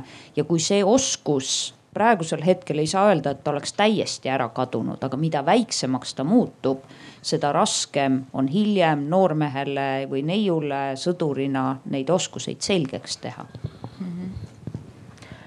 jah, sest teil mehaaniku kursuseks ei ole lihtsalt mahtu nagu onju. et on ju eluoskused, asjad, sest ega ja tühjus ka, et lõpuks, kui me tahame nagu, et me oleme sihuke kaitstud ja sihukene enda riiki kaitsev rahvas on ju, siis Kaitseliidu mehitamine ja olemine, et kui, kui inimesed elavad linnas, siis kuidas neid, need malevad on ja sihukene ka sihuke riigikaitseline seltsielu ja õppused ja muud asjad oma piirkonnas toimub, on ju, kui, kui inimesed tulevad linnadest maale õppustele. täpselt, see turvavaip ei moodustu nii hästi ainult ühe punkti kohal. ma vestlesin paar päeva tagasi ühe kambaga, kamp noori ja küsisin neilt, et kas te tunnete, et te olete julgeoleku küsimustesse kaasa, julgeoleku küsimustesse, küsimuste arutamisse kaasatud. ja siis mind vaadati sellise pilguga, noormehed olid mingi üheksateist, kakskümmend just värskelt tööle saanud ja siis vaatasid mind ütlesid. Eva, ma maksan makse ja ma tahan, ma üritan nagu leiba lauale tuua, millest sa räägid? kui ma maksan makse, siis riik peab tagama selle, et minu maks, minu maksud läheksid õigesse kohta ja et julgeolek oleks tagatud. ma pean tõdema, et kahjuks see ei ole erand, see ei ole üks suvaline kamp noormehi, kellega ma vestlesin ähm, ja siinkohal me tuleme tagasi selle teema juurde, et näe, kui noortel on huvitav, kui teema on äge, nemad leiavad seda kohta, kus, kus suu lahti teha ja kus õigesti ja õigeid asju välja öelda. et kas siinkohal äh, kas noored on see põhjus, miks see kaasatus ei ole veel nii hea? kas, kas ei ole olemas neid noori, kes on aktiivselt valmis kaasa rääkima, sest neid noori, kes on aktiivselt kaasa, kaasa rääkima valmis keskkonnaküsimustes on olemas, neil on keskkonna, kes, keskkonnaministeeriumis nõukogu, haridus- ja teadusministeeriumi juures nõukogu. ma olen üpris kindel, et need inimesed, kes on ajateenistuses ära käinud või need, kes on mingisuguse sõjalise väljaõppe saanud, et ka nende nende ridades on inimesi, kes on, on valmis kaasa rääkima ka julgeoleku teemadel ja nendest saaks selle esi, esi, esindusmehe institutsionaalse organi loomise baas. Kas siis ma, ma küsin, ma, ma küsiksin, Margot, kas, kas, kas te tunnete, et kas kaitseministeeriumi juurde või siseministeeriumi juurde oleks võimalik luua selline esindusmehe institu, institutsioon, et nii, et ta ei oleks lihtsalt formaalselt kvoodi institutsioon, vaid pigem nagu asjakohane, tegutsev ja reaalset mõju avaldav esindusmehe organisatsioon? Äh, mina ei saa nüüd vastata mitte kuidagi ei siseministeeriumi, ei kaitseministeeriumi eest, aga Eesti kodanikuna vaatan ma otsa, küsin, et noh, et kui, kui ma kuulen, et on inimesi, kes arvavad, et riigikaitse on teenus. Noh, teenuse mõttes, siis noh, mina, kes ma sel juhul peaksin olema justkui teenusepakkuja, selle teenuse küsija enda materjaliga et siis noh, kui te nende samade noormeestega räägite maksupoliitikas, nad ilmselt olles maksumaksjad tahaksid vist aktiivselt kaasa rääkida ei, ma, ma, ma, ma selles, selle teemaga ma pole. okei okay,, oleks võinud selle küsimuse ka yeah, niiviisi yeah. jätkuna küsida, et kui ma maksan makse ja küsin riigi käest teenust, siis kuidas see nii välja näeb. aga ei, absoluutselt selles mõttes, et äh, riigikaitse ei saa olla selline asi, mis äh, areneb äh, areneb niiviisi, et kodanik ei ole selle taga. ehk siis kogu, kogu meie tegevus ongi mõtestatud läbi selle, et kodanik usub, mida me teeme, sõdur ei saa olla hea sõdur, kui ta ei usu seda, mida ta teeb selleks, et ta seda uskuma hakkaks, selleks loomulikult noh, täpselt samamoodi see, et kui sa lõpuks hakkad uskuma, et matemaatikas ongi mingid vastused, sa pead selle elementaarmatemaatika all endale selgeks tegema. täpselt samamoodi on ka kaitseväega, ehk siis teisisõnu sel hetkel, kui sa oled omandanud mingid oskused ja sa tead kuidas süsteem selles mõttes toimub, mis pidi siis see Eesti kaitsmine tegelikult füüsiliselt välja näeb mida teeb sõdur, mida teeb tema jagu, mida teeb tema rühm, mida teeb tema kompanii. sel hetkel noh, ma, ma ei näe nagu mingit põhjust, miks nemad ei peaks ja ei võiks ja minu arvates nad vähemalt kuulates sõdurite arvamusi üsna vokaalselt ka avaldavad arvamust selle kohta, kuidas asju teha teistmoodi, paremini ja nii edasi. et äh, loomulikult kaitseministeeriumi juures äh, mingi noorteühendus äh, või noorte esindaja, aga seal tekib jälle see küsimus, et noh, et see esindatus, et mhm. keda, keda nad siis täpselt esindavad. nagu ma enne ütlesin, ajateenijate esindusmeeste süsteem on väga lihtne. ta esindab neid ajateenijaid, kes on tema üksuses, need, kes tema sinna valisid. et selles mõttes ma nagu kas, kas ei kasutaks seal sõna esindusmees, sest minu jaoks see esindusmees on väga täpselt, ta ongi füüsiliselt see primus inter pares, kes on sinna mm. valitud mm. neid kõiki esindama. okei okay. kuskil sõnavõtt oli vahepeal kadunud, ma nägin jah. kõigepealt üks kommentaar äh, ma arvan, see, see käib ju nii noorte kui üldse kõigi, kõigi kodanike kohta, et tegelikult aasta kaks tuhat kaheksateist võeti vastu elanikkonnakaitse kontseptsioon meie Vabariigi Valitsuse poolt ja see ütleb väga konkreetselt, et valmisolek iseennast kaitsma peab olema meil kõigil seitse päeva. ei ole niimoodi, et Kaitseliit on alati ükskõik, mis juhtub, kaitseliit tuleb ja kohe kõik asjad toob nii vee, äh, siis toidu, sooja ja nii edasi. et inimesed tegelikult peavad ise aru saama, meie kodanikud et äh, see on kõik meie enda kätes ja see hakkabki meie sellest kodukohast ju peale, oma külaseltsist, äh, kohalikust omavalitsusest. ei ole niimoodi, et keegi kuskil otsustab meie eest kõik need asjad ära, et tegelikult jah, ma ei tea kuidas siseministeeriumil selle teemaga nüüd edasi on läinud, sest see kontseptsioon töötati välja nii riigikantselei kui, ähm, kui siseministeeriumi rakkerühma koostöö raames et oluline ongi, üks asi on jah, et meil on tore selline kontseptsioon, aga kuidas see ellurakendamine on, et, et igaüks tunneks nagu oma vastutust ka selles mm. -hmm. just see et noh, kui me räägime esindusest, siis esindus saab olla ainult see, kes on noorte nimel räägib ja need on noored ise on ju, noorteorganisatsioon. ma arvan, see lihtsalt esindusmees oleks noh, see ei saa ametnik olla, see ongi, kas see on noortenõukogu või on mingid muud regulaarsed kooskäimise vormid, kus noorteorganisatsioonid räägivad kaasa, avaldavad arvamust on ju siseturvalisuse poliitikate kohta ja nende rakendamise kohta on ju. et see on, see on üks valik. teine asi, mis ma taustal tahan öelda, et noorte ja kaasalöömise värk, et, et tegelikult noortel on hulga suurem huvi eh, turvalisuse teemades kaasa rääkida, uuringud näitavad seda. et, et kui kolmkümmend protsenti noori on huvitatud Kaitseliitu astumast, aga kolmkümmend protsenti iga aasta ei astu, siis kuskil on mingi vahe. kas see huvi äh, lahtub mingites valikutes ära või me organisatsioonidena ei jõua nendeni, et, et meil, ma arvan, on ka see, mida Kaitseliit ise on ka tunnistanud, et tegelikult ei ole neid noortejuhte inimesi, kes noorsootööd Kaitseliidus teeks, on ju et meil oleks võimalikult paljudes koolides on ju, äh, on ju paljudes koolides oleks olemas äh, kodutütarde või noorkotkaste rühmad on ju, et, et see on tegelikult murekoht meil on ju kus võib-olla usaldada mõnda vanemat noort hoopis seda rühma eest vedama ja muid asju. kuidas me ületame selle asja, et meil oleks see võimalus, et me saame selle, et organisatsiooni enda suutlikkus on noorte huvile vastata või abipolitseinikuks või vabatahtlikuks päästjaks Äh, on huvi noortel olemas, aga ei jõua, on ju nii palju, on ju, et see, et haaraks inimesed ära nagu noh, kuskil jääb see samm no jääb lühikeseks, on ju, et kindlasti see noorsootöö ja selle põhimõtete nagu mõtestamine ka erinevates organisatsioonides, kes võib-olla ei ole klassikaliselt noortega tegelenud, sest ma arvan, Kaitseliit on või Kaitsevägi on täna, ma arvan, noortega tegelemise üks suuremaid avaliku sektori asutusi, ma arvan. mul on sihuke tunne, et vaadates, kui palju noori nagu iga päev on nagu kaitse, kaitseväega seotud seotud, on ju, et noh aga see on see, et noored on sinna hõivatud, noortele pakutakse kõik asi seal ära, riietus on ju, varustus, toit on ju ja, ja sihukene päevakava on ju ja õpe. et see on nagu noorte aeg on raamistatud, on ju ja selleks on ressurss olemas. et aga paljudel asutustel seda ressurssi ei ole nagu, et selliselt noorsootööga teha ja nagu äh, sellise raamistusega. aga noh, noorte huvi kindlasti on suurem, kui nagu täna nagu erinevad organisatsioonid suudavad selles, selles vastata nagu, aga noh võib-olla ka noorteorganisatsioonid, kes täna siin mõned noorteaktivistid on, nagu nopivad selle teema üles ja ka tõstavad seda teemat, et et noh, rohkem kaasarääkimist oleks. noortekeskused ju kohaliku omavalitsuse juures, et tegelikult saavad väga-väga hästi ka tegelikult koostöös kaitseliitlastega aga... ja kodutütar noortekodu tegelikult seda teadlikkust kasvatada ja noh, ütlen, see peab samm-sammult liikuma ja küll me, küll me saame ka need esindajad endale õigetesse kohtadesse.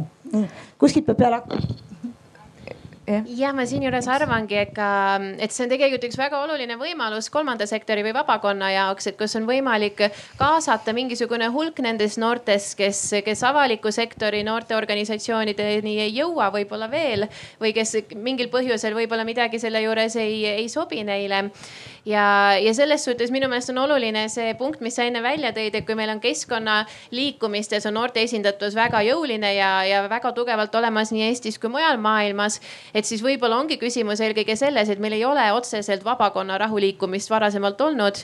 ja, ja ehk on see, see koht, kus, kus ka selle organisatsiooniga, Peace Action Community'ga ongi võimalik kaasata neid noori, kes on tahtnud olla kaasatud, aga ei ole selle jaoks oma platvormi näinud aga samas, kui me vaatame praegu kõike, mida on arutatud, siis me, me loome mingisuguse aluse, on ju, ja hakkame niimoodi liikuma, et, et uh, grassroots tase, kus meil on projektid, siis liigume hariduse poole, siis liigume kuskil selle noorte, noorteühendused ja noortekeskused ja kool, kool, KOV KOV-ist äh, äkki tee edasi, kui veab siis mingi NATO ühing või, või, äh, või mingisugused teised koostöövormid.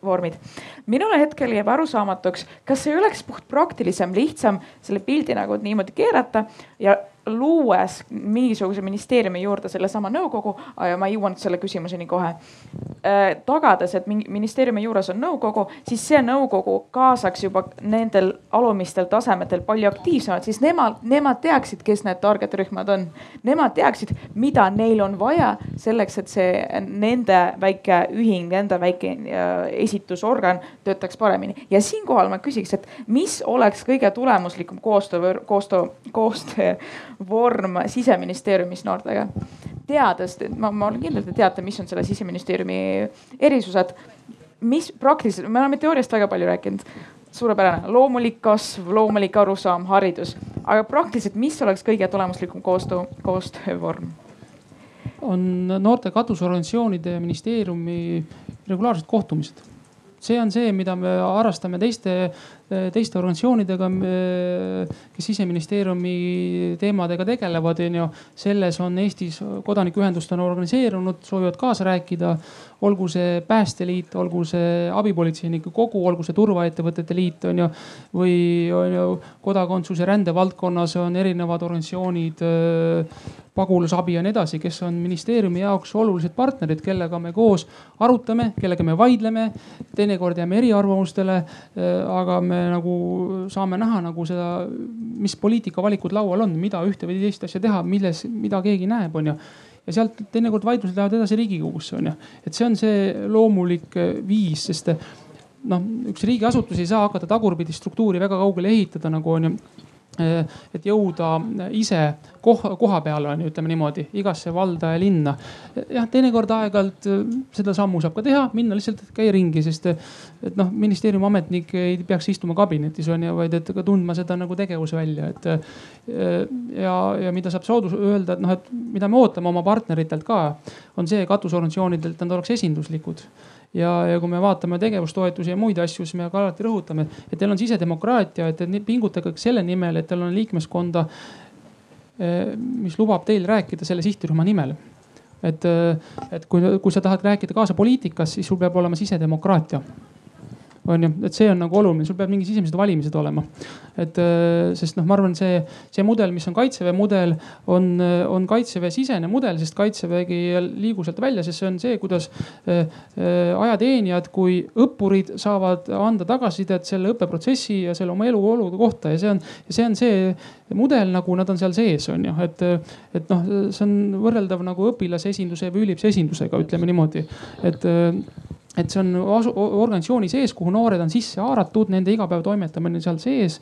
et nad seal räägivad, onju, aga kui me räägime poliitika kujundamisest, siis, siis on avatud väli. seal ongi katusorganisatsioonid, erinevad kaasarääkimise asjad on ju, et sest noh, ega see noortenõukogu ei ole ka nagu võluvits äh, on ju.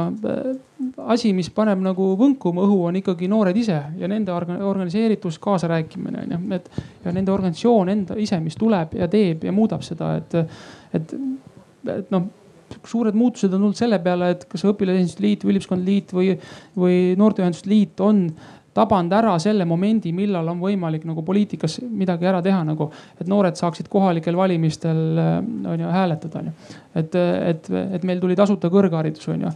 või et kooli õppekavades on ju tehti mingeid eksamireforme, need on nende kolme katusorganisatsiooni olulised sammud, mida nad on teinud aastaid juhatused on vahetunud, on ju, järgmised on üle võtnud seda asja, see on sihukene töö nagu on ju.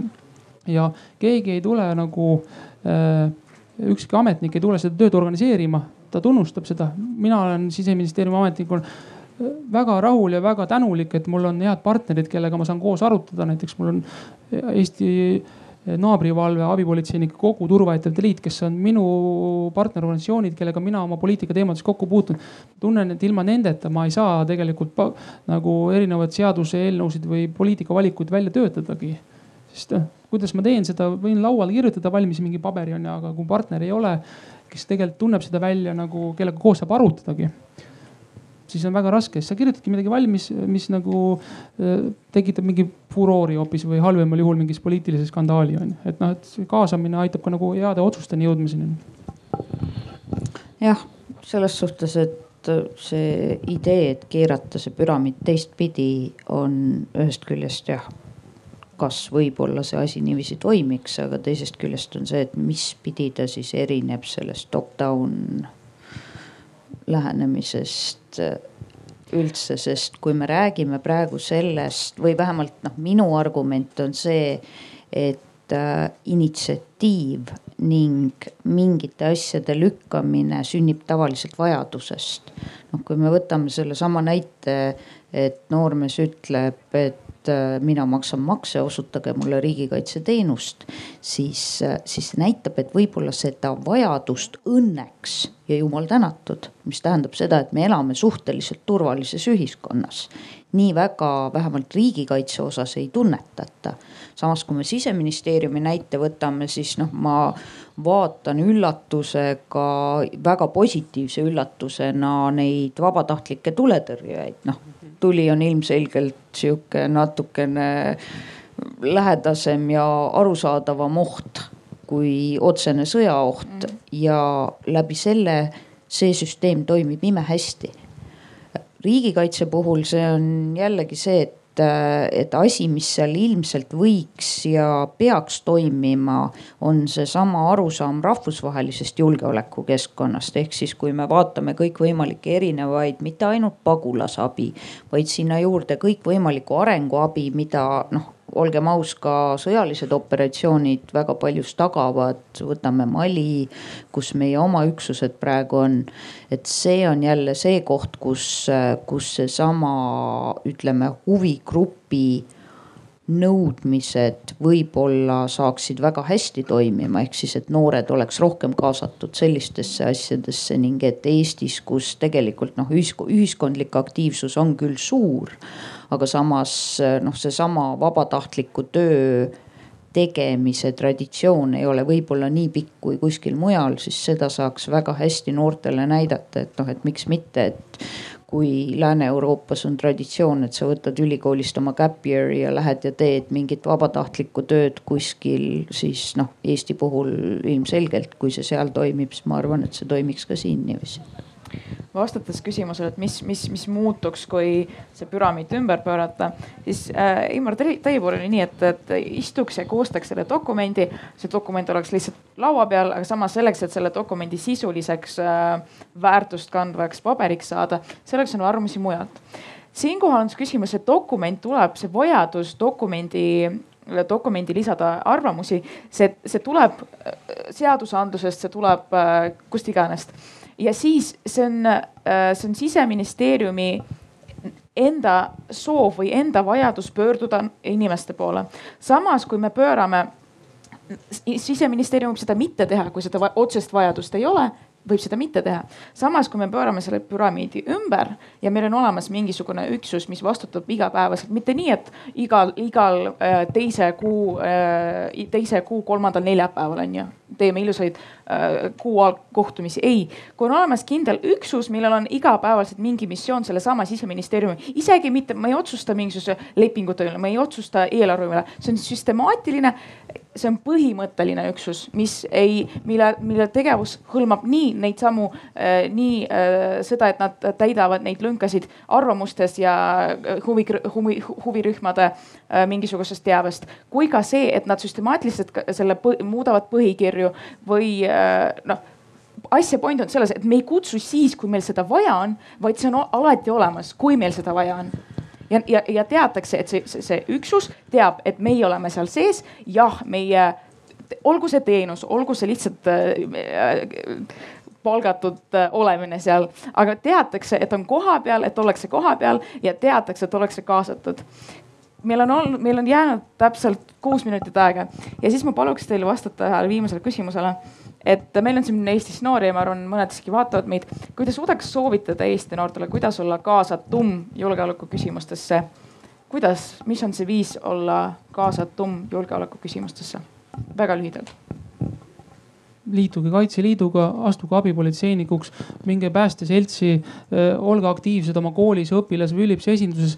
haarake kaasa, avaldage arvamust, on ju, kui te tunnete, et mingi asi ei ole sii, nii, nagu ta peaks olema või tulevikus peaks mingi asi teistmoodi olema, rääkige kaasa. kui te ei julge seda suures ringis välja öelda, avaldage vaikselt arvamust tasapisi, et see on kõige olulisem, et ärge äh, kaotage lootust, et, et teie arvamus ei tähenda, et, et te olete üksi, et palju inimesi on, kes arvavad tõenäoliselt samamoodi nagu teie. lihtsalt võib-olla, kas nad kohe mõtlevad, saavad teist aru, alati nagu organiseeruge, et see on kõige olulisem, et kaasalöömise võimalusi on nii palju, et ja alati ei tasu karta nagu, et kas ma oskan seda, et õpetust pakutakse nagu, et ja, la, väli on väga lai nagu ma arvan, et äh, kõigepealt soovitan ähm, teha tutvust äh, ja oma, laiendada oma silmaringi, lugedagi läbi näiteks elanikkonnakaitse kontseptsioon äh, vaadata võib-olla ka Eesti NATO Ühingu lehele, mis on toimunud sotsiaalmeedias, öelda kaasa, et meil on tulemas vahva hübriidkampaania just kõik selle äh, valeinformatsiooni ja hübriidohtude teemal, nii et äh, hoidke silmad lahti ja te võitegi avaldada oma arvamust ja sa, saate ka pidada dialoogi. edu ja ma jätkaksin siin võib-olla sarnasel toonil, et ma, ma küll tooksin välja jällegi selle kogukondliku aktiivsuse ja rohujuure aktivismi tähtsust, aga kuna see on üsna keeruline asi nagu millest nullist alustada, kui, kui sa pead kõigepealt mõtlema hakkama, mis see rohujuure aktivism üldse on, siis ka mina kutsuksin üles kohtuma, liituma oma kohalike MTÜ-dega, noorteorganisatsioonidega, samuti võib, võib vaadata ka meie organisatsiooni kodulehte peaceaction.ee ja saab kirjutada, saame, saame vaadata, mis see aktiviseerumise koht võiks olla hästi palju häid soovitusi kõigile, noh mina peaksin siis justkui ütlema, et tulge ajateenistusse, aga noh, ütleme pooltele see tuleb sama kindlalt kui maksud ja pooltele on see vabatahtlik. aga mina soovitaks hoopis midagi muud, et rääkige omavahel ma väga tihti ei kuule noortekampu, kampi, kampasid arutamas teemal, et Äh, milline on Eesti riigikaitse või mida Eesti riigikaitseks tehakse, et võtke see vahepeal omale arutlusteemaks. äkki huvi kasvab suur-suur tänu teile ähm,. kas publik ah,, ja, ja, ja mulle näidati, et ma pean kindlasti, on küsimusi, kommentaare, teeme lihtsalt ühe aplausi äkki. tänutäheks Ähm, Eesti Noorteühenduste Liidu poolt ma sooviks teid tänada kõiki, et te olete aega leidnud ja julgenud rääkida, ma tean, et äh, nagu siis välja tuleb, kõik ei julgegi rääkida ja sellest tuleb palju probleeme. suur aitäh. suur, teeme suure aplausi veel korra.